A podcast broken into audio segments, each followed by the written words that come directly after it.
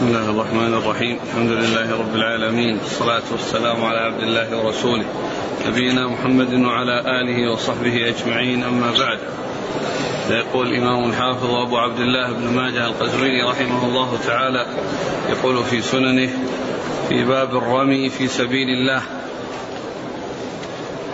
الحديث الرابع قال حدثنا حرملة بن يحيى المصري قال أنبانا عبد الله بن وهب قال أخبرني ابن لهيعة عن عثمان بن نعيم الرعيني عن المغيرة بن نهيك أنه سمع عقبة بن عامر الجهني رضي الله عنه يقول سمعت رسول الله صلى الله عليه وعلى آله وسلم يقول من تعلم الرمي ثم تركه فقد عصاني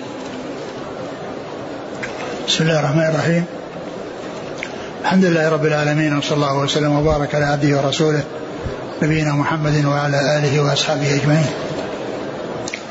أما بعد فقد مر في الدرس الماضي بعض الأحاديث المتعلقة بالرمي في سبيل الله و, و ثم بعد ذلك ما بقي من هذا الباب وذلك ومن ذلك حديث عقبة بن عامر الجهني رضي الله تعالى عنه أن النبي صلى الله عليه وسلم قال من تعلم الرمي وتركه فقد عصاني.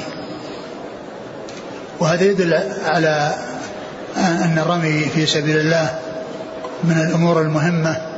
قد مر في الحديث أن النبي صلى الله عليه وسلم فسر القوة بقولها القوة ألا إن القوة الرمي؟ يعني وإن كانت القوة تكون في الرمي وغيره لكن هذا لبيان أهمية الرمي في الجهاد في سبيل الله. وذلك لأن فيه وصول السهام إلى الكفار من أماكن بعيدة. بخلاف السيوف فإنها لا تكون إلا عند الالتحام وعند الاتصال الكفار المسلمين. فيكون ذكر الرمي من أهم الأشياء أو الوسائل التي تستعمل في الحرب. وقد ذكر في هذا الحديث أن أن من تعلم الرمي آه، ثم تركه فقد عصاني. أي عصى رسول الله صلى الله عليه وسلم. وهذا يدل على تعلم الرمي وقد جاء بعض الأحاديث الدالة على ذلك وفيه الوعيد لمن تعلمه ثم أهمله ثم تركه لأنه فرط في شيء فيه مصلحة وفيه فائدة للمسلمين وهي آه، الرمي الذي قد حصله فكونه يبقي عليه ويكون على علم به ومعرفة حتى إذا جاء الوقت الذي يكون فيه الجهاد في سبيل الله. وإذا عنده قدرة على ذلك. قوله فقد عصاني الحديث في إسناده ضعف من جهة من جهة اثنين من رجاله ولكن الحديث جاء في صحيح مسلم عن النبي عليه الصلاة والسلام بلفظ من علم الرمي ثم تركه ف ثم تركه فقد آه، من ترك الرمي وقد تركه فليس منا أو ليس مني و أو أو قد عصى. لأن في صحيح مسلم ذكر الاثنين بقوله فليس مني ليس منا أو قد عصى. فقوله أو قد عصى تطابق ما جاء في هذه الجملة التي جاءت في هذا الحديث. وعلى كل كل من الجملتين دالة على خطورة وعلى يعني عظم الخسارة التي تكون لمن تعلم الرمي ثم تركه فوصف في في في, في بعض الألفاظ بقوله ليس منا وهذا يدل على خطورة ذلك أي ليس من أهل يعني آه، طريقتنا وأهل المنهج القويم الذي نحن عليه وليس معنى ذلك أنه يكون كافرا وإنما المقصود من ذلك أنه ليس على المنهج القويم الذي كان عليه الرسول صلى الله عليه وسلم وكذلك قوله أو قد عصى. نعم. قال حدثنا حرملة فإذا هذه الجملة التي فقد عصى أو قد عصاني التي آه ذكر الشيخ ناصر أن أنها أن الحديث صحيح بدونها آه، فإنها قد جاءت في صحيح مسلم. نعم. قال حدثنا حرملة بن يحيى المصري. هو صدوق أخرج له مسلم. والنسائي بن ماجه. نعم. عن عبد الله بن وهب. المصري هو ثقة أخرج أصحاب الكتب. عن ابن لهيعة. وعبد الله بن لهيعة المصري هو صدوق اختلط أخرج له. مسلم وأبو داود والترمذي وابن ماجه. ورواية العبادلة عنه معتبرة وهذا فيه أحد العبادلة الذي هو عبد الله بن وهب. والعبادلة الأربعة هم عبد الله بن وهب المصري وعبد الله بن مسلمة القعنبي وعبد الله بن يزيد المقري المكي وعبد الله بن مبارك المروزي. نعم. عن عثمان بن نعيم الرعيني. وهو؟ مجهول أخرجه ابن ماجه. نعم. عن المغيرة بن نهيك. وهو؟ مجهول أخرجه ابن ماجه. نعم. عن عقبة بن عامر. الجهني رضي الله عنه أخرجه أصحاب الكتب. قال حدثنا محمد بن يحيى قال حدثنا عبد الرزاق قال أنبانا سفيان عن الأعمش عن زياد بن الحصين عن أبي العالية عن ابن عباس رضي الله عنهما أنه قال مر النبي صلى الله عليه وعلى آله وسلم بنفر يرمون فقال رميا بني إسماعيل فإن أباكم كان راميا. وهذا فيه الرمي والأمر به وقد جاء في الصحيحين ارموا بني إسماعيل فإن أباكم كان راميا. ورميا بمعنى ارموا رميا يعني فهو مثل الحديث الذي جاء في الصحيح عن سلمة بن الأكوع. أن النبي صلى الله عليه وسلم يعني مر على قوم من من أسلم يرمون فقال ارموا بني إسماعيل فإن أباكم كان راميا. والمقصود بإسماعيل إسماعيل بن إبراهيم الخليل عليهما الصلاة والسلام. نعم. قال حدثنا محمد بن يحيى. هو الذهلي ثقة أخرجه البخاري وأصحاب السنة. عن عبد الرزاق. ابن همام الصنعاني اليماني ثقة أخرج أصحاب الكتب. عن سفيان. هو الثوري ثقة أخرج أصحاب الكتب. عن الأعمش. سليمان بن مهران ثقة أخرج أصحاب الكتب. عن زياد بن الحصين وهو؟ ثقة أخرجه مسلم والنسائي بن ماجه. نعم. عن أبي العالية. وهو رفيع الرياحي وهو ثقة أخرج له. أصحاب الكتب. نعم. عن ابن عباس. نعم. يقول فضيلة الشيخ هل تعلم الرماية لكل أحد؟ في أي مكان لأن هناك أناس يتدربون الرماية سرا فهل يتدرب معهم؟ وجود وجود الأسلحة بأيدي الناس يعني في هذا الزمان صار من المشاكل ومن الفتن لأنها تكون بأيدي ناس آه، لا خير فيهم يفسدون في الأرض ويصلحون ويقتلون الأبرياء ويقومون بالتفجير والتدمير. ف آه، يعني انفلات الأمر وعدم ضبطه آه، لا شك أن هذا يعني فيه مضرة. لكن إذا كان السلاح مرخص به من جهة الدولة وهو بأيدي الناس فإن لهم أن يقوموا بهذه آه، المهمة وأن يحصل منهم التدرب على ذلك. أما إطلاق الناس في السلاح ويكون بأيدي الخبثاء والمفسدين في الأرض الذي يقومون بتقتيل الناس وتقتيل الأبرياء هذا آه، آه، حصول آه، الانفلات يعني في هذا الأمر. لا شك أنه ليس فيه مصلحة وإنما فيه مضرة. ولكن إذا كان بأيدي الناس يعني شيء مرخص فيه فإن التعلم أمر مطلوب. يقول هل تعلم الرماية من باب وأعدوا لهم ما استطعتم من قوة؟ نعم لأن الرسول قال ألا إن عده الرمي ونفسه الرسول صلى الله عليه وسلم فسر هذا. قال ألا إن القوة الرمي؟ ألا إن القوة الرمي. وهذا منه وليس حصرا فيه ولكن لبيان آه، عظم شأنه. مثل قولها الحج عرفة والدين النصيحة لأن الدين الحج عرفة وغير عرفة. والدين النصيحة وغير النصيحة. والقوة الرمي وغير الرمي. لكن التنصيص على يعني مثل ذلك يدل على أهمية هذا هذا الفرد من أفراد ذلك اللفظ العام.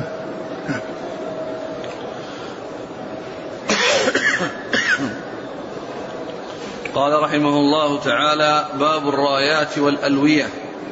قال حدثنا أبو بكر بن أبي شيبة قال حدثنا أبو بكر بن عياش عن عاصم عن الحارث بن حسان رضي الله عنه قال قدمت المدينة فرأيت النبي صلى الله عليه وسلم قائما على المنبر وبلال قائم بين يديه متقلد سيفا وإذا راية سوداء فقلت من هذا؟ قالوا هذا عمرو بن العاص.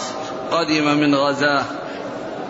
ثم ذكر باب باب باب الألوية. الرايات والألوية. باب الرايات والألوية. الرايات والألوية قيل إنه لا فرق بينهما لأن آه، لأنه يطلق على هذا العلم الذي يعني يكون يتخذ في الجهاد في سبيل الله ويكون على شيء عود طويل يعني ويكون العلم في أعلاه ويراه الناس من بعد وهو يكون مع أمير الجيش أو كبير الجيش حتى يعرف الناس أن أن العلم أن مكان المسؤول أو الرئيس أو الأمير أنه تحت هذا العلم المرفوع. ولهذا الرسول عليه الصلاة والسلام قال يوم خيبر لأعطين الراية غدا رجلا يحب الله ورسوله ويحبه الله ورسوله لأن الراية والعلم يكون دليلا أو يكون مع أو حول المسؤول عن الجيش حتى يعرف الناس مكانه وأنهم يلتفون حوله ويرجعون إليه إلى هذا المكان الذي يدل على المكان المرتفع. ثم أيضا جاء في بعض الأحاديث يعني أن أن من عمل عملا من آه، من من أعمال سيئة فإنه يأتي يوم القيامة ويعني وفيه راية تدل على على على هذا المكان أو على مكان هذا المفتضح الذي آه، ارتكب أمرا خطيرا فيكون ذلك من الخزي له لأنه يدل على من تحته. فالراية أو أو الراية تدل على آه، الإمام أو الوالي أو المسؤول عن الجيش. ومن العلماء من قال إن بينهما فرق. وقد جاء في الحديث الثالث من الحديث التي ذكرها ابن ماجه آه، التنصيص على الراية وعلى على الراية وعلى اللواء. فقيل إن اللواء ما كان صغيرا والراية ما كان حجمه كبيرا. يعني فيكون الفرق بينهما في الكبر والصغر كل منهما يعني آآ آه، آآ آه، يطلق عليه يعني أنه علم وأنه يعني شيء يدل على المسؤول الذي يرجع إليه أهل الجيش إلا أنه فرق بين الراية والعلم بين الراية واللواء بأن اللواء هو ما كان حجمه صغيرا والراية ما كان الحجم فيها كبيرا. وتكون يعني مع مع الجيوش الكبيرة العظيمة يعني الراية حتى تكون حجمها كبير. ويراها الناس من بعد واللواء يعني يكون فيما إذا كان العدد قليلا كسرية فيكون ذلك علامة على المسؤول عن الجيش فيها. ثم ذكر هذا الحديث عن عن عن الحارث بن حسان. عن الحارث بن حسان رضي الله عنه أن النبي صلى الله عليه وسلم كان على منبر وبلال آه، متقلد سيفا وقد جاءت راية سوداء فقيل هذا عمرو العاص قدم في من غزوة. يعني ففيه ذكر الراية في ذكر الراية وأنها سوداء. نعم. قال حدثنا أبو بكر بن أبي شيبة ثقة أخرج أصحاب الكتب إلا الترمذي. عن أبي بكر بن عياش وهو ثقة أخرجه البخاري البخاري ومسلم في المقدمة وأصحاب السنن. عن عاصم. عاصم بن بهدلة وهو صدوق آه، آه، أخرج هذا أصحاب الكتب وروايته الصحيحين المقرون عن الحارث بن حسان. الحارث بن حسان رضي الله عنه أخرج له. الترمذي والنسائي بن ماجه. وفيه انقطاع ولكنه جاء في بعض الروايات أبو وائل بين بين عاصم وبين آه، بن حسان؟ الحارث بن الحارث بن حسان نعم.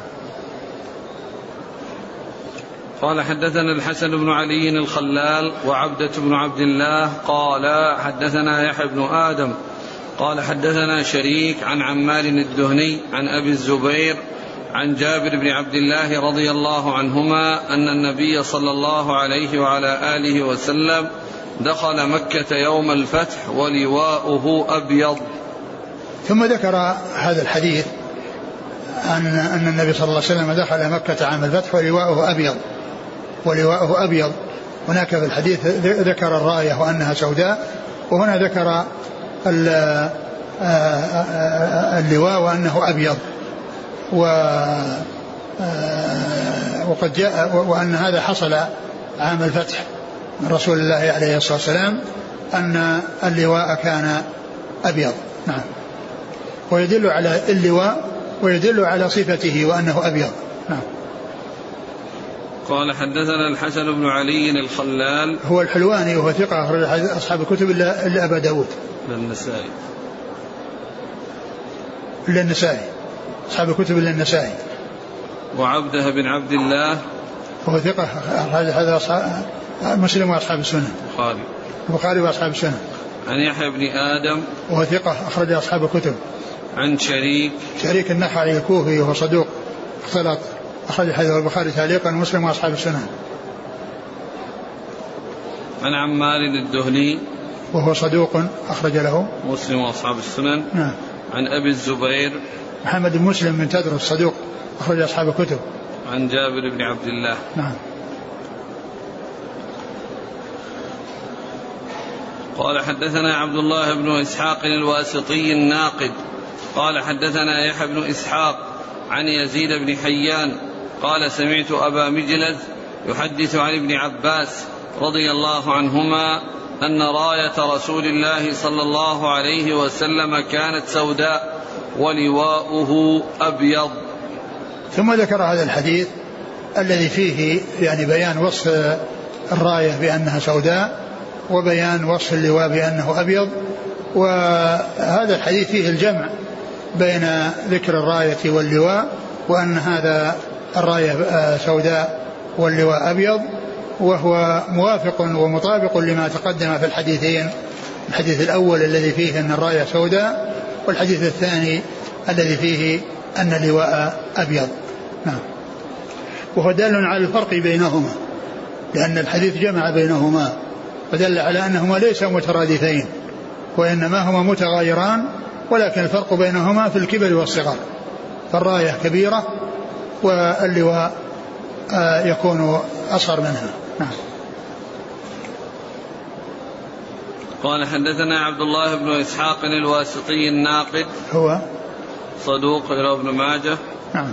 عن يحيى بن إسحاق وهو؟ صدوق إلى مسلم وأصحاب السنن. نعم. عن يزيد بن حيان وهو؟ صدوق يخطئ. خرج أبو داود في القدر والترمذي وابن ماجه. نعم. عن أبي مجلز. وهو ثقة أخرج أصحاب الكتب. عن ابن عباس. نعم. يسأل أحد الإخوة عن الوقت الحاضر اللواء. هل يعني ممكن أن يشكل بنفس هذه الأعلام لكل دولة؟ هل إيش؟ يعني أشكاله. هل يقال السنة متى أقيم الجهاد يكون الراية مثل ما كانت رأية صلى الله عليه وسلم أو مثل الآن؟ آه معلوم معلوم أن أن ما جاءت بالسنة هو الأولى وغيره يكون جائزا لكن بشرط ألا يكون فيه أمور محذورة وأمور غير طيبة تكون في العلم. يعني تكون في في في فيه يعني آه، آه، بحيث يعني يضاف إليه أو يكتب فيه أو يعني يعمل في أشياء أو آه، رموز خبيثة أو سيئة. نعم. يقول هل جيوش المسلمين اليوم يشرع لها حمل اللواء؟ عسى الله أن يأتي بالوقت الذي يكون المسلمين في جيوش يعني يذهبون إلى الكفار يدعونهم إلى الإسلام ويجاهدون في سبيل الله ويكون لهم ألوية. قال رحمه الله تعالى باب لبس الحرير والديباج في الحرب. قال حدثنا أبو بكر بن أبي شيبة قال حدثنا عبد الرحيم بن سليمان عن حجاج عن أبي عمر مولى أسماء عن أسماء بنت أبي بكر رضي الله عنهما أنها أخرجت جبة مزررة بالديباج فقالت كان النبي صلى الله عليه وسلم يلبس هذه إذا لقي العدو. ثم ذكر باب باب لبس الحرير والديباج في الحرب. الحرير الحرير والديباج الديباج نوع من الحرير يعني يكون غليظا و وقد جاء ما يدل على تحريم لبس الحرير وذلك في أن النبي صلى الله عليه وسلم أخذ حريرا وذهبا ورفعهما وقال هذان حرام على ذكور أمتي حل لإناثها وكذلك جاء أحاديث تدل على أن من يلبس الحرير أنه آثم إنما يلبس هذا من لا خلاق له في الآخرة آه، كما جاء في بعض الأحاديث الصحيحة عن رسول الله عليه الصلاة والسلام. ولكنه جاء ما يدل على استعمال الحرير في الحرب وكذلك يعني استعمال آه، شيء قليل منه يعني كحافية لثوب بمقدار معين كما سيأتي في بعض الأحاديث. وورد هذا الحديث عن أسماء رضي الله عنها أن النبي صلى الله عليه وسلم كان له جبة مزررة من, من, من الحرير وكان يلبسها في الحرب صلوات الله وسلامه وبركاته عليه. نعم. قال حدثنا أبو بكر بن أبي شيبة عن عبد الرحيم بن سليمان. هو؟ ثقة أخرج أصحاب الكتب نعم. عن حجاج. هو بن منهال وهو؟ ليس بن أرطاه. حجاج حجاج بن أرطاه نعم. حجاج بن أرطاه. نعم. صدوق كثير الخطأ والتدليس. نعم. البخاري المفرد ومسلم وأصحاب السنن. نعم. عن أبي عمر مولى أسماء. وهو ثقة. وغير أصحاب الكتب. نعم. عن أسماء بنت أبي بكر. رضي الله عنهما أخرج لها أصحاب الكتب. قد ضعفه الشيخ. نعم ضعف لكن يعني وجد للحجاج متابع في هذا. تابعه عبد الملك بن أبي سليمان العرزمي ومغيرة بن زياد. نعم قال حدثنا أبو بكر بن أبي شيبة قال حدثنا حفص بن غياث عن عاصم الأحول عن أبي عثمان عن عمر رضي الله عنه أنه كان ينهى عن الحرير والديباج إلا ما كان هكذا. ثم أشار بإصبعه ثم ثم أشار بإصبعه ثم الثانية ثم الثالثة ثم الرابعة. وقال كان رسول الله صلى الله عليه وسلم ينهانا عنه. ثم ذكر هذا الحديث عن عمر رضي الله عنه أن أن أنه آه، نهى عن استعمال الديباج والحرير إلا مقدار أربع أصابع فإنه أشار بإصبع ثم الثانية ثم الثالثة ثم الرابعة. يعني أن هذا هو الحد الأعلى. وإذا اقتصر على ما دونه يعني ليس معنى ذلك أن الإنسان حيث ساق أنه آآ آه، آآ آه، أنه يأتي بهذا المقدار بل له أن ينقص منه. وبأن يكون على مقدار إصبع واحد أو اثنين أو ثلاثة ولكنه لا يتجاوز أربعة. لأنه أشار بواحد ثم أشار بالثاني ثم أشار بالثالث ثم أشار بالرابع. يعني من فعل هذا فله ذلك ومن فعل هذا فله ذلك ومن فعل هذا فله ذلك. وإذا وصل الرابع فإن هذا هو الحد النهائي الذي لا يجوز تجاوزه. وهذا إنما يكون في حاشية يعني في حاشية ثوب يعني أربعة أصابع يعني آه، آه، فإن ذلك مستثنى. كما جاء في هذا الحديث الصحيح الثابت عن رسول الله صلى الله عليه وسلم. نعم. قال حدثنا أبو بكر بن أبي شيبة عن حفص بن, سو... بن غياث. ثقة أخرج أصحاب الكتب. عن عاصم الأحول. وهو ثقة أخرج أصحاب الكتب. عن أبي عثمان. النهدي وهو ثقة أخرج أصحاب الكتب. نعم. عن عمر. عمر بن الخطاب رضي الله عنه أمير المؤمنين وثاني الخلفاء الراشدين الهاديين المهديين صاحب المناقب الجمة والفضائل الكثيرة. وحديثه عند أصحاب الكتب الستة. يقول السائل ما الحكمة من لبس الحرير في الحرب؟ يمكن لأن لأنه يعني يصير فيه فيه نعومة وفيه يعني يعني الجسم يعني يكون الإنسان يمكث مدة طويلة يعني لا يحصل الماء فيكون في ذلك يعني بقاء مثل هذا النوع الذي فيه لين آه، آه، أخف وأهون من الشيء الذي فيه خشونة. ثم يمضي على ذلك مدة طويلة يعني يتأثر الجسم آه، بمثل هذا اللباس. فالحاصل أنه أبيح يعني هذا الأمر وأنه ساغ يعني آه، آه، في الجهاد في سبيل الله. نعم. يقول كيف كانت إشارة عمر رضي الله عنه؟ أشار بإصبعه ثم الثانية. إيه أربعة أصابع يعني غير الإبهام. أشار بواحد ثم الثاني ثم الثالث ثم يعني أشار كذا ثم أشار كذا ثم أشار كذا ثم أشار كذا. يعني من أتى بواحد ثم أتى باثنين ثم أتى بثلاثة ثم أتى بأربعة.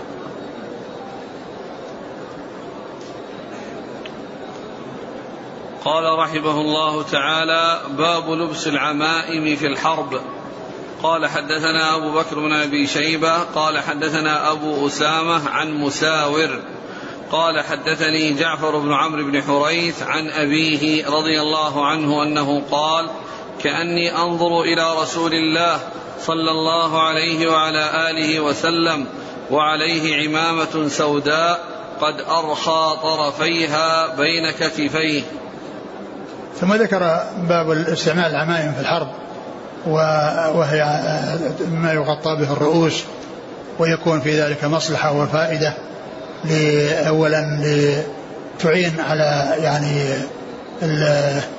اتقاء يعني الضرر الذي يكون من الأعداء وأيضا التخفيف على الرأس من الحرارة. إذا كانت في الشمس يعني حارة فإن وجود شيء يغطي الرأس يكون فيه تخفيف المشقة وتخفيف الضرر على الإنسان. بخلاف ما إذا كان رأسه مكشوفا فإن الشمس تؤثر فيه أكثر مما إذا كان مغطى بعمامة. وقد أورد في هذا الحديث أن النبي صلى الله عليه وسلم كان رآه أن الصحابي من هو؟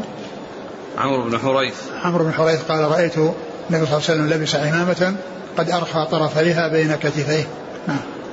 عليه عمامة سوداء نعم. قد أرخى طرفيها بين كتفيه. نعم.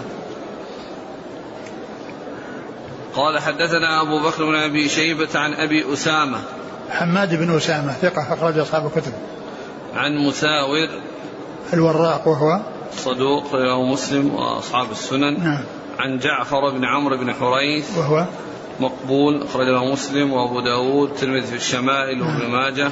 نعم. عن أبيه. أخرج له. أصحاب الكتب. نعم. قال حدثنا أبو بكر بن أبي شيبة قال حدثنا وكيع قال حدثنا حماد بن سلمة عن أبي الزبير عن جابر رضي الله عنه أن النبي صلى الله عليه وعلى آله وسلم دخل مكة وعليه عمامة سوداء. ثم ذكر هذا الحديث عن جابر رضي الله عنه أن النبي صلى الله عليه وسلم دخل مكة عام الفتح وعليه عمامة سوداء. فهو إنما دخلها يعني غازيا ولم يدخلها معتمرا. عليه الصلاة والسلام وكان ذلك في رمضان فدخلها وعليه عمامة سوداء فهذا يدل على أنه أنه دخلها يعني مجاهدا وغازيا ولم يكن معتمرا وهذا يدل على يعني جواز دخول مكة بغير إحرام لمن لمن لم يرد الإحرام. أما من أراد الإحرام فعليه أن يحرم من الميقات كما جاء في حديث المواقيت هن لهن ولمن أتى عليهن من غير أهلهن ممن أراد الحج والعمرة. فيجوز دخول مكة بغير إحرام إذا كان الإنسان لم يرد إذا كان الإنسان لم يرد الإحرام. وإن أراد الإحرام فعليه أن يحرم من الميقات ولا يتجاوز الميقات إلا وقد أحرم سواء كان بحج أو عمرة. وقد وهذا يدل على أن الرسول عليه الصلاة والسلام دخلها يعني غازيا مجاهدا ولم يدخلها معتمرا.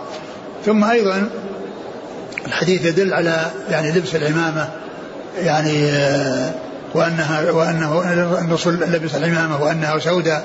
وقد جاء في حديث متقدم دخل مكة وعلى رأسه المغفر. والمغفر هو ما يتخذ من الدروع على قدر الرأس.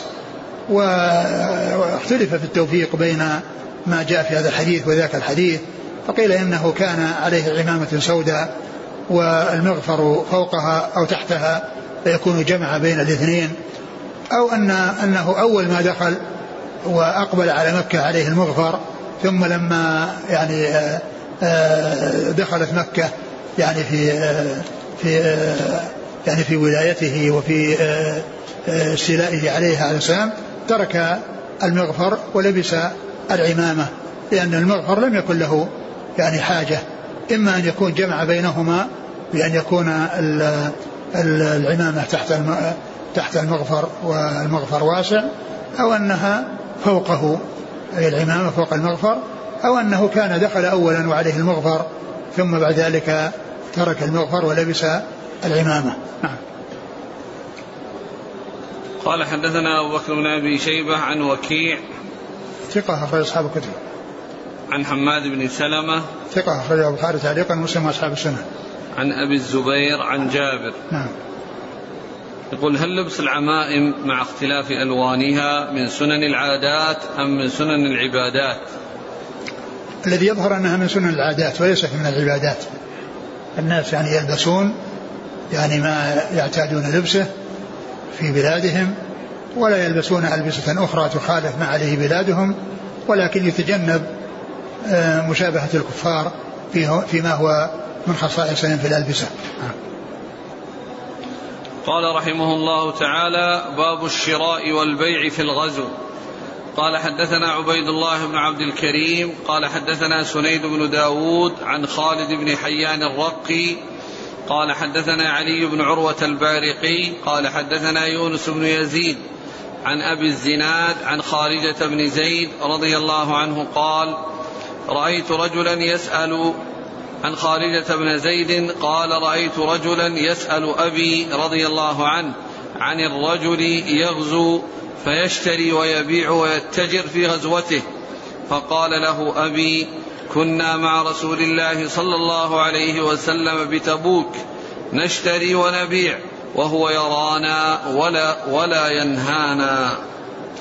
ثم ذكر يعني هذه الترجمة في باب الشراء والبيع في باب الشراء والبيع. في الغزو.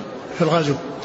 يعني الشراء والبيع في الغزو كل إنسان يشتري ويبيع حاجة يعني حاجات ويشتري ما يحتاج إليه هذا أمر لا إشكال فيه. وإنما الإشكال في التجارة. كل إنسان يعني يتخذ السفر للحي... للجهاد في سبيل الله تجارة لتحصيل الدنيا. آه الذي يبدو أنه لا بأس به وأنه سائغ وأنه لا مانع منه لكن ما ينبغي أن يكون قصد الإنسان في سفره أنه يعني يتجر وأنه آه يحرص على الدنيا. وأما كون الناس يحتاجون إلى شيء ويكون مع بعضهم فيبيع بعضهم على بعض فإن ذلك لا بأس به. والأصل هو الجواز. وقد جاء يعني هذا الحديث الذي فيه ضعف يعني دالا على هذا الأصل الذي هو الجواز.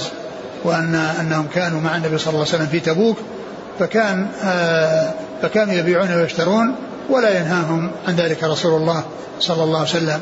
وكانوا في بيت تبوك كانوا أقاموا أياما كانوا مقيمين يعني في تبوك. فكان يعني يكون مع بعضهم آه، الشيء يعني يشتريه أو يبيعه يبيع يشتري يبيع بعضهم على بعض. فذلك سائغ والحديث فيه ضعف ولكن المعنى صحيح والمتن صحيح. لكن ما ينبغي أن يكون الإنسان همه التجارة وأن يذهب من أجل التجارة. ولكن إذا جاء البيع والشراء يعني تبعا لما الناس بحاجة إليه فإن الأصل جوازه. نعم. قال حدثنا عبيد الله بن عبد الكريم. هو أبو زرعة الرازي وهو ثقة أخرج له. مسلم والترمذي والنسائي وابن ماجه. نعم. عن سنيد بن داود وهو ضعف نعم. ابن ماجه. نعم. عن خالد بن حيان الرقي وهو صدوق يخطئ أخرجه أبو داود بن ماجه. نعم. عن علي بن عروة البارقي متروك. أخرجه ابن ماجه. نعم. عن يونس بن يزيد هو يونس بن يزيد. عمن عن أبي الزناد. يونس بن يزيد آه، العيلي ولا ابن عبيد؟ يونس بن عبيد ويونس كلهم في طبقة متقاربة. وكل منهم ثقة أخرج أصحاب الكتب الستة. نعم. عن أبي الزناد. أبي الزناد عبد الله بن ذكوان آه، هو ثقة أخرج أصحاب الكتب. عن خارجة بن زيد. خارجة بن زيد ثقة آه، ثقة فقيه. آه، أحد فقهاء المدينة السبعة في عصر التابعين. أخرج له أصحاب الكتب وخارجة يعني آه، يعني الغالب أن أن الفقهاء السبعة يعني صحابة أبناء صحابة. آه، تا- تابعون أبناء صحابة. يعني آبائهم من الصحابة وهم من التابعين. وخارجة بن زيد بن ثابت. هذا أحد فقهاء المدينة السبعة. وهم الذين جمعهم آه، بيتان أو بيت واحد. ذكره ذكرهما ابن القيم في أول كتاب إعلام الموقعين حيث قال إذا قيل من في العلم سبعة أبحر روايتهم ليست عن العلم خارجة فقل هم عبيد الله عروة قاسم سعيد أبو بكر سليمان خارجة. خارجة هذا الذي معنا خارجة بن زيد بن ثابت. وعبيد الله بن عبد الله بن عتبة مسعود عبيد الله بن عبد الله بن عتبة مسعود آآ آه، آآ آه، وعروة بن الزبير العوام وقاسم بن محمد بن أبي بكر صديق وسعيد المسيب وسليمان بن آه، بن بن يسار و أبو بكر بن عبد الرحمن بن الحارث بن هشام وخارجة بن زيد بن ثابت. والسابع فيه ثلاثة أقوال. منهم من قال أبو بكر بن عبد الرحمن بن الحارث بن هشام وهو الذي ذكره ابن القيم في هذا البيت ومنهم من قال سالم بن عبد الله بن عمر ومنهم من قال أبو أبو سلمة بن عبد الرحمن بن عوف. عن أبيه أبو خارج أبو أبو آه، آه، زيد. زيد بن ثابت رضي الله عنه أخرج أصحاب الكتب. في الإسناد يونس بن يزيد. ها؟ يونس بن يزيد؟ يونس لا ذاك يونس بن يزيد غير يونس بن عبيد. يونس بن يزيد الأيلي في غيره؟ لا. نعم. ذاك يونس بن عبيد وليس بن يزيد. نعم. هل يجوز البيع والشراء مع العدو المحارب؟ نعم يجوز. يعني إذا كان إذا كان ان البيع والشراء يعني في شيء لا يترتب عليه ضرر على المسلمين. قال رحمه الله تعالى باب تشييع الغزاة ووداعهم.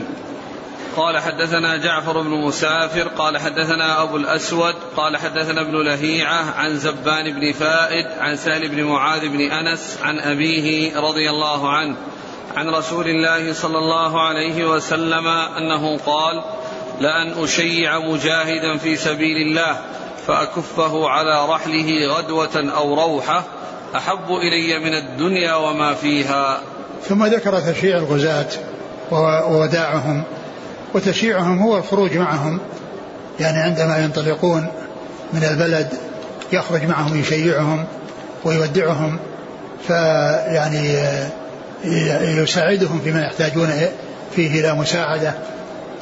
ثم ذكر هذا الحديث الضعيف الذي فيه أن النبي صلى الله عليه وسلم قال لأن يشوع غازيا فأكفه على رحله.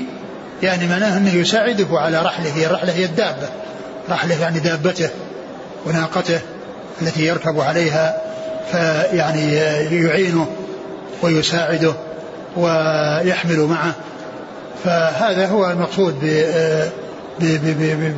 بكونه يكفه على رحله. أحب إلي أحب إلي من الدنيا وما فيها. نعم. يعني فهذا يدل على هذا الفضل العظيم ولكن الحديث غير صحيح. قال حدثنا جعفر بن مسافر جعفر بن مسافر هو؟ صدوق ربما أخطأ نعم. أبو داود والنسائي بن ماجه. نعم. عن أبي الأسود وهو؟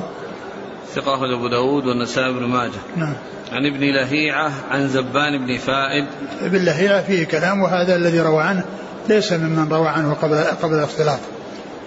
وزبان بن فائد هو هو؟ ضعيف الحديث. نعم.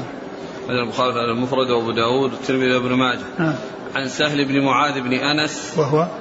لا بأس به إلا في رواية زبان عنه رجل البخاري المفرد وأبو داود والترمذي وابن ماجه. عن أبيه وهو؟ رضي الله عنه أخرج البخاري المفرد وأبو داود والترمذي وابن ماجه. قال حدثنا هشام بن عمار قال حدثنا الوليد بن مسلم قال حدثنا ابن لهيعة عن الحسن بن ثوبان عن موسى بن وردان عن أبي هريرة رضي الله عنه أنه قال ودعني رسول الله صلى الله عليه وسلم فقال استودعك الله الذي لا تضيع ودائعه. ثم ذكر حديث أبي هريرة آه، في توديع النبي صلى الله عليه وسلم إياه حيث قال ودعني رسول الله صلى الله عليه وسلم وقال استودعك الله الذي لا تضيع ودائعه يعني أن أجعلك يعني آه، آه، وديعة عند الله يعني هو الذي يتولى حفظك ويتولى يعني كلأتك.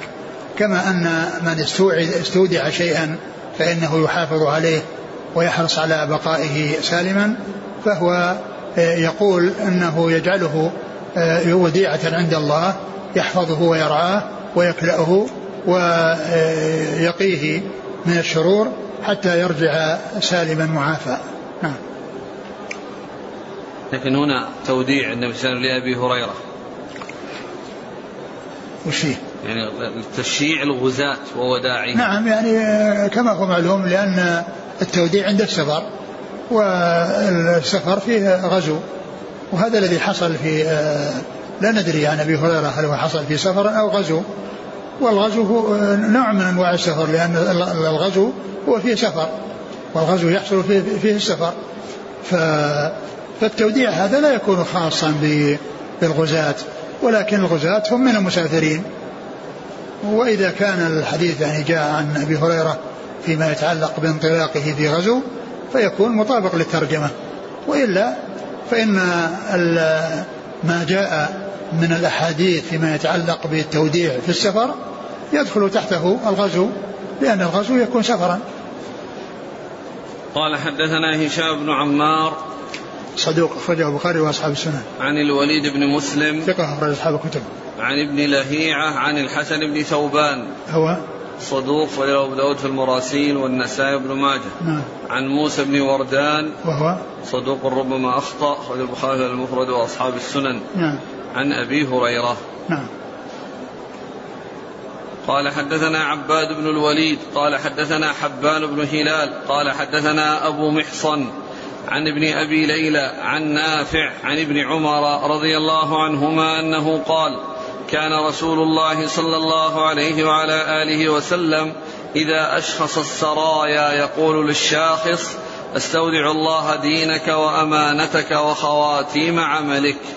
ثم ذكر هذا الحديث الذي فيه آه، توديع السرايا سرايا جمع سرية أنه إذا أشخصها يعني معناه أنهم خرجوا وبرزوا.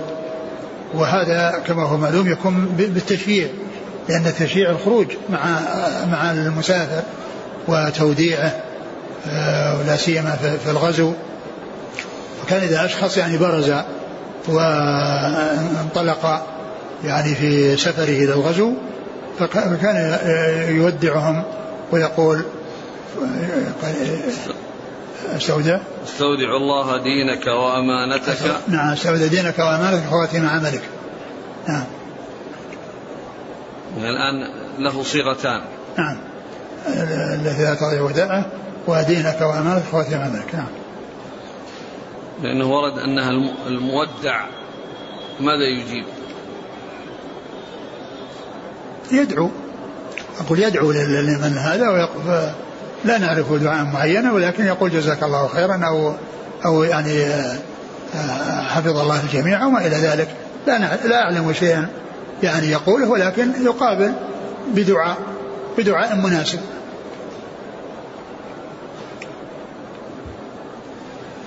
قال حدثنا قال حدثنا عباد بن الوليد. هو؟ صدوق صحيح ابن ماجه. نعم. عن حبان بن هلال. وهو ثقة أخرج أصحاب الكتب. عن أبي محصن. وهو لا بأس به أخرج البخاري وأصحاب السنن. نعم. عن ابن أبي ليلى. وهو ضعيف أخرج له. صدوق سيء الحفظ جدا نعم. أخرج له أصحاب السنن. هذا محمد بن عبد الرحمن. أما أبوه فثقة. نعم.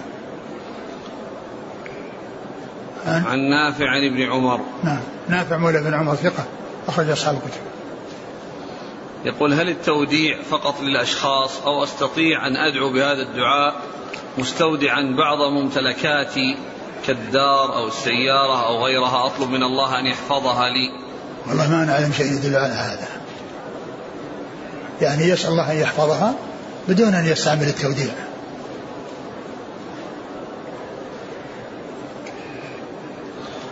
قال رحمه الله تعالى باب السرايا. قال حدثنا هشام بن عمار قال حدثنا عبد الملك بن محمد الصنعاني قال حدثنا أبو سلمة العاملي عن ابن شهاب عن أنس بن مالك رضي الله عنه أن رسول الله صلى الله عليه وعلى آله وسلم قال لأكثم بن الجون الخزاعي يا أكثم أغز مع غير قومك يحسن خلقك وتكرم على رفقائك يا أكثم خير الرفقاء أربعة وخير السرايا أربعمائة وخير الجيوش أربعة آلاف ولن يغلب إثنا عشر ألفا من قلة.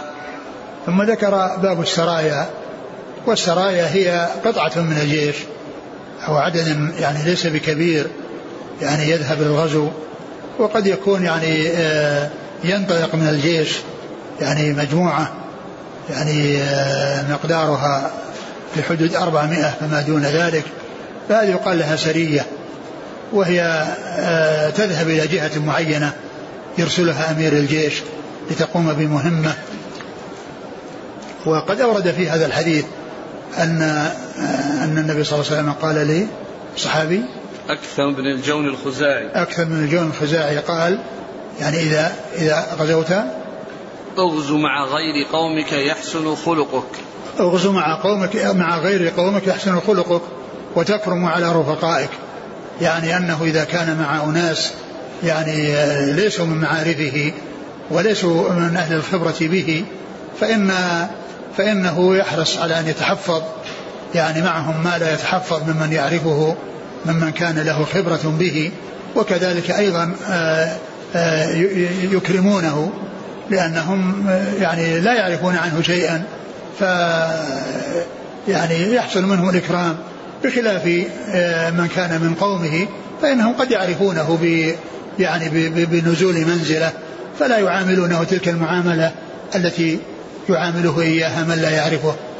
ممن قد يظن أنه في مكان له منزلة رفيعة ومنزلة علية لأنه مجهول عند أولئك فيحصل منه أن يعاملهم معاملة طيبة ويحسن خلقه معهم وكذلك هم يقابلونه بالإكرام والاحترام والتوقير. وهذا يختلف عما إذا كان مع قومه وهم يعرفونه أو يعرفون ماضيه أو يعرفون يعني ما عنده من نقص وما عنده من خلل فلا يعاملونه معاملة من يجهله ومن لا يعرفه ومن يظن أنه ذا مكانة علية وذا منزلة رفيعة. ثم ذكر خير ال خير أصحاب أربعة وخير السرايا. أربعمائة أربعمائة وخير وخير الجيوش أربعة آلاف. ولن يغلب اثنا عشر ألف من قوة ولن يغلب من ذلة من ذلة. ولن يعرف ولن يغلب ولن يغلب اثنا عشر ألف من ذلة. قلة. من ذلة. قلة. ها؟ من قلة نعم. لن يغلب من قلة نعم. لن يغلب من قلة يعني يعني لا يقال إنهم قليلون بل هم كثيرون. فذكر الأربعة آه ثم أربعمائة ثم أربعة آلاف ثم آه اثنا عشر ألفا. نعم والحديث في إسناده ضعف لكن بقيته التي هي ذكر الخيرية خير كذا وكذا جاء في أحاديث أخرى أو في بعض الأحاديث الأخرى. وأما هذه الجملة التي فيها ذكر السفر مع غير قومه فقد جاءت في هذه الطريق. التي هي ضعيفة. قال حدثنا هشام بن عمار عن عبد الملك بن محمد الصنعاني. هو؟ لين الحديث أبو داود والنسائي بن ماجه. نعم. عن أبي سلمة العاملي. وهو متروك. له ابن ماجه. نعم. عن ابن شهاب عن أنس بن مالك. ابن شهاب محمد بن مسلم بن عبد الله بن شهاب. ثقة أخرج أصحاب الكتب. نعم. الجملة الأخيرة لن يغلب إثنى عشر ألفا من قلة. نعم. يعني يستدل بها البعض أن الآن يجب على المسلمين أن يقاتلوا لأنه يوجد عندهم هذا العدد. يجب على المسلمين أن يقاتلوا الآن؟ لأن عندهم هذا العدد فلا يتعذروا بكثرة عدوهم. الآن المسلمين بحاجة إلى أن يرجعوا إلى الله عز وجل. وأن يستقيموا على أمره وأن تكون عندهم القوة المعنوية الحقيقية التي هي آه، قوة الإيمان والتمسك بالدين. لأن لأن المقصود ليس هو العدد لكن العدد مع الإيمان ومع البصيرة ومع الفقه في الدين ومع الاستقامة على أمر الله. هذا هو السبب الحقيقي للنصر. ومن المعلوم أن أن الصحابة ومن بعدهم في الصدر الأول كان عددهم قليلا بالنسبة للكفار. يعني لا نسبة بينه وبين الكفار ومع ذلك يحصل لهم النصر بسبب إيمانهم وبسبب يقينهم وصدقهم وإخلاصهم لله عز وجل. ومن أوضح ذلك ما ذكره البخاري في صحيحه.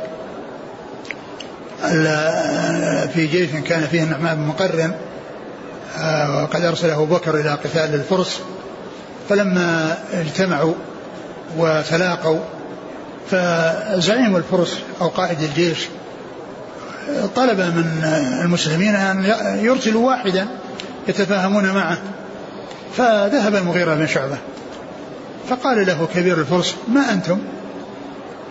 ما أنتم؟ إيش أنتم؟ فقال نحن قوم كنا في بلاء شديد وفي فقر شديد كنا نعبد الحجر ونمص النوى والجلد من الجوع فبعث الله فينا رسولا من أنفسنا آه، آه، نعرفه ونعرف نسبه فدعانا إلى الجهاد في سبيل الله وأخبرنا أن من مات منا فهو إلى جنة عرضها السماوات والأرض ومن عاش منا ملك رقابكم ومن عاش منا ملك رقابكم. فهذه القوة هذه جاءت من إيمان ومن يعني ثبات. نعم. لكن ألا يجاب نفس الحديث يقول ولن يغلب اثنا عشر ألفا من قلة. يعني قد يغلب لكن ليس بالقلة. نعم يعني قد يحصل. أقول قد يحصل بأسباب أخرى. الاختلاف أقول قد يحصل بأسباب أخرى غير القلة غير الكثرة. نعم. ومعلوم أن الكثرة إذا كان ما فيها يعني قوة حقيقية يعني آه لا تفيد شيئا. نعم. قال حدثنا محمد بن بشار قال حدثنا أبو عامر قال حدثنا سفيان عن أبي إسحاق عن البراء بن عازب رضي الله عنهما أنه قال كنا نتحدث أن أصحاب رسول الله صلى الله عليه وسلم كانوا يوم بدر ثلاثمائة وبضعة عشر على عدة أصحاب طالوت من جاز معه النهر وما جاز معه إلا مؤمن. ثم ذكر يعني هذا الحديث عن البراء بن عازب رضي الله عنهم أنهم كانوا يتحدثون أن عدة أصحاب رسول الله صلى الله عليه وسلم يوم بدر كعدة أصحاب طالوت الذي جاء قصته في سورة البقرة و وأن وأنه ما جاز معه النهر إلا إلا إلا مؤمن وأصحاب رسول الله عليه الصلاة والسلام الذين كانوا معه في غزوة بدر كانوا بهذا المقدار ثلاثمائة وبضعة عشر وأن هذا العدد مثل ذلك العدد الذي حصل مع طالوت آه الذي ذكرت قصته في سورة البقرة. وهذا العدد الذي حصل في آه يعني في شهود بدر يعني صار لهم فضل خاص ولهم ميزة خاصة, خاصة على على غيرهم من الصحابة ولهذا كان من منقبة من شهد بدرا أن يذكر بأنه شهد بدرا. الصحابة رضي الله عنهم وأرضاهم كلهم عدول و و ويكفي الواحد منهم أن يقال عنه صحابي لكنه إذا صار بالإضافة إلى الصحبة آه، منقبة عظيمة مثل شهود بدر أو مثل الحديبية الذي جاء في كل منهما فضل لمن شهد هاتين الوقعتين فيكون ذلك ميزة وشرف وتقدم على غيره وإن كانوا كلهم آه، مستوين في آه، أنهم آه، من أهل الفضل وأنهم أفضل من غيرهم لكن بعضهم أفضل من بعض نعم نعم. قال حدثنا محمد بن بشار ثقة أخرج أصحاب الكتب. عن أبي عامر. العقدي وهو ثقة أخرج أصحاب الكتب. عن سفيان. سفيان الثوري ثقة أخرج أصحاب الكتب. عن أبي إسحاق. وهو عبد عمرو بن عبد الله الهمداني السبيعي ثقة أخرج أصحاب الكتب. عن البراء بن عازب. رضي الله عنهما أخرج له أصحاب الكتب. قال حدثنا أبو بكر بن أبي شيبة قال حدثنا زيد بن الحباب عن ابن لهيعة قال أخبرني يزيد بن أبي حبيب عن لهيعة بن عقبة قال سمعت أبا الورد صاحب النبي صلى الله عليه وسلم يقول إياكم والسرية التي إن لقيت فرت وإن غنمت غلت. ثم ذكر هذا الحديث الذي فيه ذكر السرية المذمومة التي من شأنها أنها إن أنها تفر يعني ولا تصبر وأنها إذا حصل غنيمة حصل منها غلول. إذا لقيت إذا لقيت إذا لقيت فرت. إذا لقيت العدو فرت. وإذا انتصرت وحصلت غنائم فإنها تخون في الغنيمة فتغل تغل وتأخذ يعني آه، من الغنيمة قدر القسمة الذي هو الغلول. فهذا وصف للسرية المذمومة التي تفر عند اللقاء وتخون عند تحصيل الغنائم فيحصل منها الغلول يعني خصلتان ذميمتان فرار عند اللقاء وغلول من الغنائم. قال حدثنا أبو بكر بن أبي شيبة عن زيد بن الحباب هو؟ صدوق له البخاري القراءة ومسلم وأصحاب السنن. نعم. عن ابن لهيعة عن يزيد بن أبي حبيب. يزيد بن أبي حبيب ثقة أخرج أصحاب الكتب. عن لهيعة بن عقبة وهو والد عبد, عبد الله بن لهيعة لهيعة بن عقبة وهو مستور. أخرج له. ابن ماجه. نعم. عن أبي الورد. وهو؟ أخرج له ابن ماجه. نعم. قال رحمه الله تعالى باب الأكل في قدور المشركين. والله تعالى أعلم وصلى الله وسلم وبارك على عبده ورسوله نبينا محمد وعلى آله وأصحابه أجمعين. جزاكم الله خيرا وبارك الله فيكم. والهمكم الله الصواب ووفقكم للحق. ونفعنا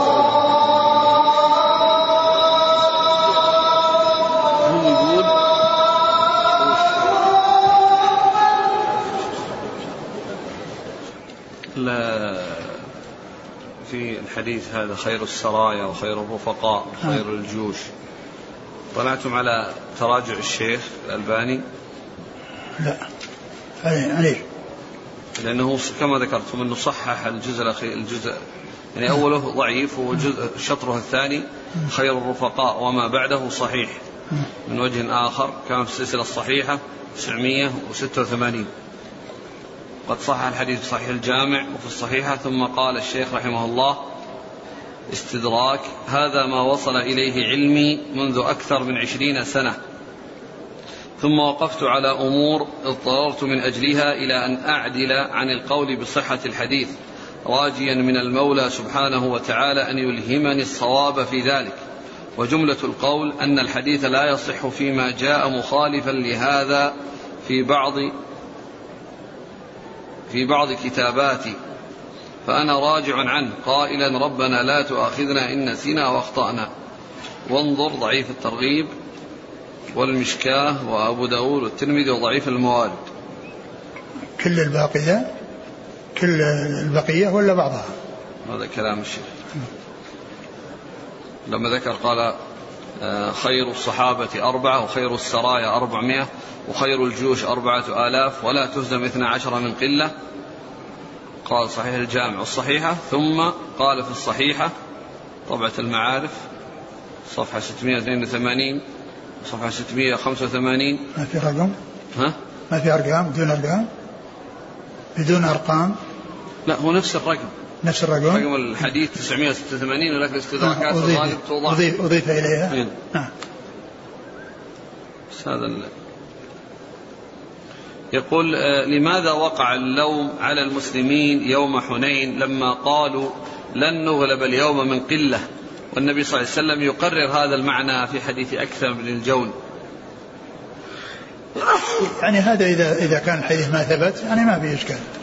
أقول يكون الإشكال غير وارد. ثم أيضا لو لو ثبت يعني يكون المقصود آه، آه، يعني من أجل العدد وإلا قد يكون هناك سبب آخر غير العدد وهو آه، ضعف الإيمان.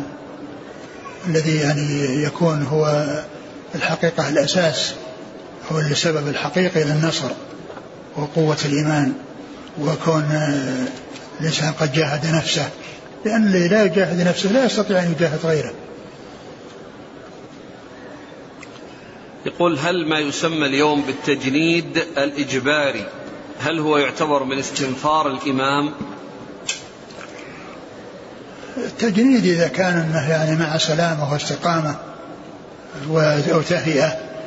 لكن إذا كان يترتب عليه أمور محرمة والذين يقومون به يعني يلزمون بأمور محرمة فهذا لا يسوغ الدخول فيه مع معصية الله عز وجل لأنه لا طاعة لمخلوق في معصية معصية الله.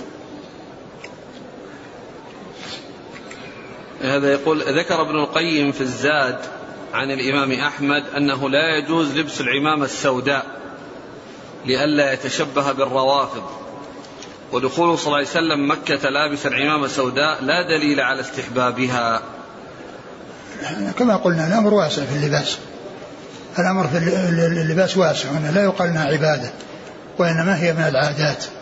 والإنسان يعني يلبس ما اعتاده يعني أهل بلده بشرط أن لا يكون مما هو من خصائص الكفار أو من لباس الكفار الذي يكون متشبها بهم إذا فعل.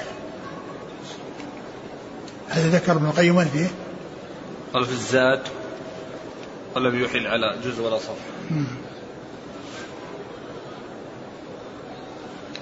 يقول هذا يقول ذكر الشيخ ابن عثيمين رحمه الله في شرحه لكتاب رياض الصالحين أن الحكمة من لبس الحرير في الحرب هو إغاظة الأعداء وكيدهم. قد يكون هذا من الأسباب يعني يعني يكون عندهم قوة وعندهم يعني سعة. يقول هل لبس الحرير الإصبع أو الاثنين والثلاثة إلى الأربعة جائز في غير الحرب؟ اي نعم. جائز. لأن الحديث ذاك ما جاء بالحرب. يقول نحن الآن هنا في المدينة نلبس دائما الثوب والطاقية والغترة وإذا سافرنا إلى بلدنا فهناك الناس المسلم والكافر يلبسون البنطلون. فهل إذا لبسنا الثوب نكون قد خالفنا لباس أهل بلدنا؟ آه، لباس البلد إذا كان أنه لباس الكفار فالإنسان إذا لبسه يلبسه على هيئة يخالف الكفار بأن يكون واسعا ولا يكون ضيقا مثل ما هو فعل الكفار. يعني يجعل لباسه واسعا.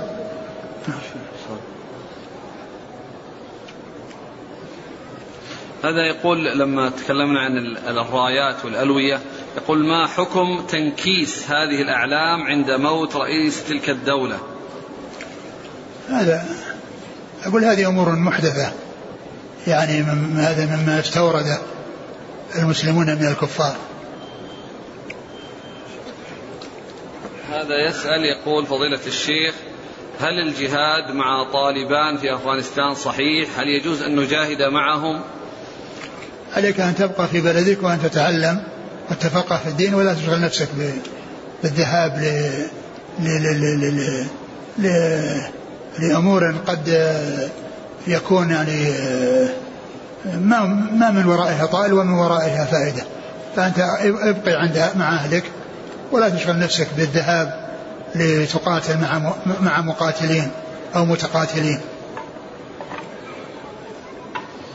يقول من خاف من أكل بعض الأطعمة التي تقدم له من بعض الأشخاص خشية أن يكون فيها سحر أو سم احتياطا. فهل يدخل هذا في الخوف من غير الله؟ والله لا شك أن مثل هذا العمل يعني كل إنسان يحصل من التشكك لأن هذا قد قد يصيبه وسواس فيكون لا يأكل طعاما من أحد من الناس يعني يظن أنه سحر. لكن إذا كان يعرف أن هذا الرجل أو أن هذا أنه ساحر أو من أهل السحر طبعا يبتعد عن الشيء الذي آه، يكون منه. يقول رجل يعمل مع البنك الأهلي قسم البطائق الائتمانية. وطريقة هذه البطائق أن البنك يعطي مبلغا للعميل ويقسطه لمدة عشرين شهر بأرباح اثنين ونصف في المئة. السؤال هل يجوز العمل بهذا القسم؟ العمل بالبنوك من أصله إذا كانت تتعامل بالربا لا يصلح ولا ينبغي. وعلى الإنسان أن يبحث عن عمل ليس فيه تعامل في الربا. يقول سؤال الثاني يقول أنا تاجر أستورد بضاعة من الخارج بالآجل بالدين. هل الزكاة تشمل الدين الذي علي أم لا تشمله؟ وإن كان الجواب بنعم فإن لي سبع سنوات لم أخرج زكاة الدين الذي علي وكنت أجهل هذا الأمر. فما العمل؟ كون الإنسان عليه دين إذا كان عنده مال وحال عليه الحول فيزكيه ولا ينظر هل عليه دين أو ما عليه دين. لأن الرسول صلى الله عليه وسلم كان يرسل العمال لأصحاب لأصحاب الزكوات لأخذ الزكوات. وما كان يسألهم أو يقول لهم اسألوهم عليهم دين ولا ما عليهم دين. وإن كان عليهم دين أسقطوا. فالأصل أن المال الذي يحول عليه الحول يزكيه الإنسان. ما دام أنه حال عليه الحول ولا ينظر إلى كونه عليه دين أو ليس عليه دين. ما مضى عليه من سبع سنوات. وإذا كان قد أفتي بهذا وأخذ بفتوى يعني من يقول بذلك فإنه ليس عليه وإلا فإن سلامة ذمته وبراءتها بكونه يؤدي الزكاة التي فرضها الله عليه. يقول ما الأصل في الإنسان العدالة أم الظلم والجهل؟ وكيف الجمع بين الآية؟ إنه كان ظلوما جهولا وحديث الفطرة. الأصل في الإنسان أنه غير معروف حتى يعرف ب ب ب ب ب ب يعني بعدالة أو, أو, أو غيرها. يعني أنت إذا لاقاك أو اتصلت بأي إنسان يعني وقابلته تقول الأصل فيه العدالة قد يكون أنه من, من, من, من, من أكذب الناس ومن أفجر الناس. وإنما لا بد من معرفة حال الإنسان. الأصل في الإنسان أنه مجهول حتى يعرف بعدالة أو بضعف. كيف يوجه الحديث؟ الأصل يعني خلق الله العباد. نعم خلق على الفطرة على التوحيد. خلقهم على التوحيد لكن في شيء وراء التوحيد وهو الفسق. جزاكم الله خيرا. سبحانك اللهم وبحمدك أشهد أن لا إله إلا أنت.